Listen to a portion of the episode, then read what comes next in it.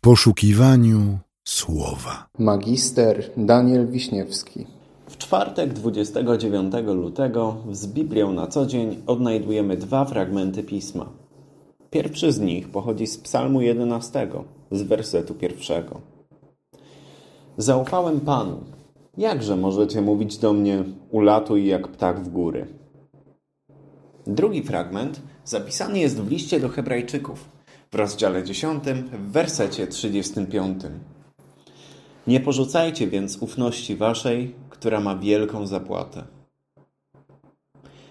Zaufanie to rzecz, która u jednych ludzi jest zawsze na wyciągnięcie ręki. Są w stanie zaufać nawet nowo poznanej osobie. A dla innych jest to coś, co przychodzi bardzo trudno i buduje się długo. Jest w tych dwóch podejściach jednak jedna wspólna rzecz. Zaufanie może dosyć łatwo zostać zburzone. I tego niestety uczy nas świat. Każdy z nas ma swoje błędy i czasami pod wpływem własnych przeżyć, emocji czy po prostu głupoty zdarza się nam nadużyć czyjegoś zaufania.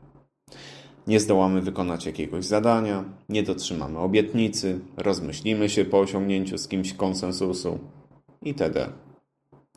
Dlatego na przykład rodzice często uczulają swoje dzieci, by te nie ufały innym w stu procentach. Jest jedna taka historia na ten temat, którą kiedyś usłyszałem od znajomych. Postaram się ją teraz przywołać. Pewnego razu ojciec razem z dzieckiem bawili się na podwórku pod domem. Ojciec miał wielką potrzebę przekazania czegoś wartościowego swojemu synkowi, więc postawił go na takim metrowym murku i powiedział: Synek, nauczę cię dzisiaj bardzo ważnej lekcji z zaufania. Postawiłem cię na murku. Obrócisz się teraz w drugą stronę, tyłem do mnie, i jak ci dam sygnał, to upadniesz w tył, na plecy. Tato, tato, ale ja się boję, powiedział chłopiec. Na to ojciec odpowiedział: Nie bój się, zaufaj mi. Złapię cię, jak będziesz spadał. Chłopiec więc, mimo strachu, mimo lęku, uśmiechnął się, zaufał ojcu, obrócił się do niego tyłem, pozwolił sobie stracić balans, spadł w dół i bach! Wylądował w trawie.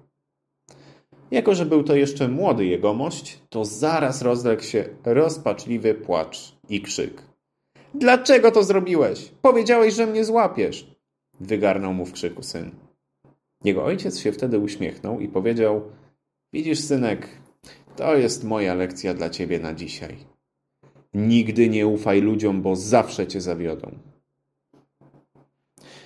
Oczywiście jest to historia z wątpliwą wartością pedagogiczną, ale pomyślmy, czy życie nie uczy nas tego samego?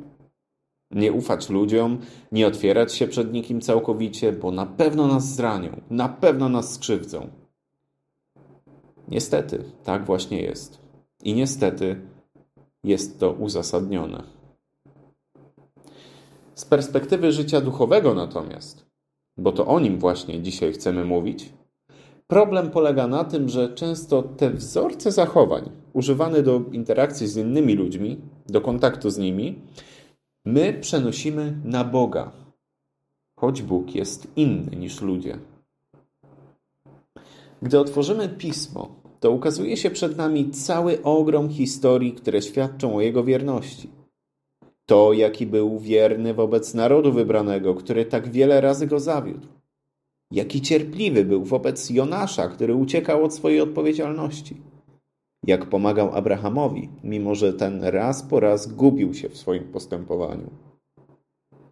Dlatego na gruncie wszystkich tych historii pismo mówi wyraźnie: Zaufałem Panu. Jakże możecie mówić do mnie, ulatuj jak ptak w góry? Bo tutaj, jeżeli ufamy Panu, to nie ma miejsca na ucieczkę. Bo Pan jest w swojej miłości stabilny. Jego obietnice są niezachwiane. On jest niezmienny. Najbardziej ze wszystkich godny zaufania. Żyjąc więc w tym świecie, w którym częściowo słusznie, niestety, nie każdemu możemy zaufać, Nie porzucajmy w tym wszystkim zaufania do Boga. Tak jak mówi nasz drugi fragment Biblii. Nie porzucajcie więc ufności waszej, która ma wielką zapłatę. A to dzisiejsze rozważanie zakończę słowami jednej z pieśni zespołu CSM Worship, które są zawarte w dzisiejszym z Biblią na co dzień. I choćby drżało mi serce, choćbym się lękał, tym sercem Tobie zaufam. Rozjaśnij oblicze swe. Poprowadź mnie tam, gdzie chcesz. Amen.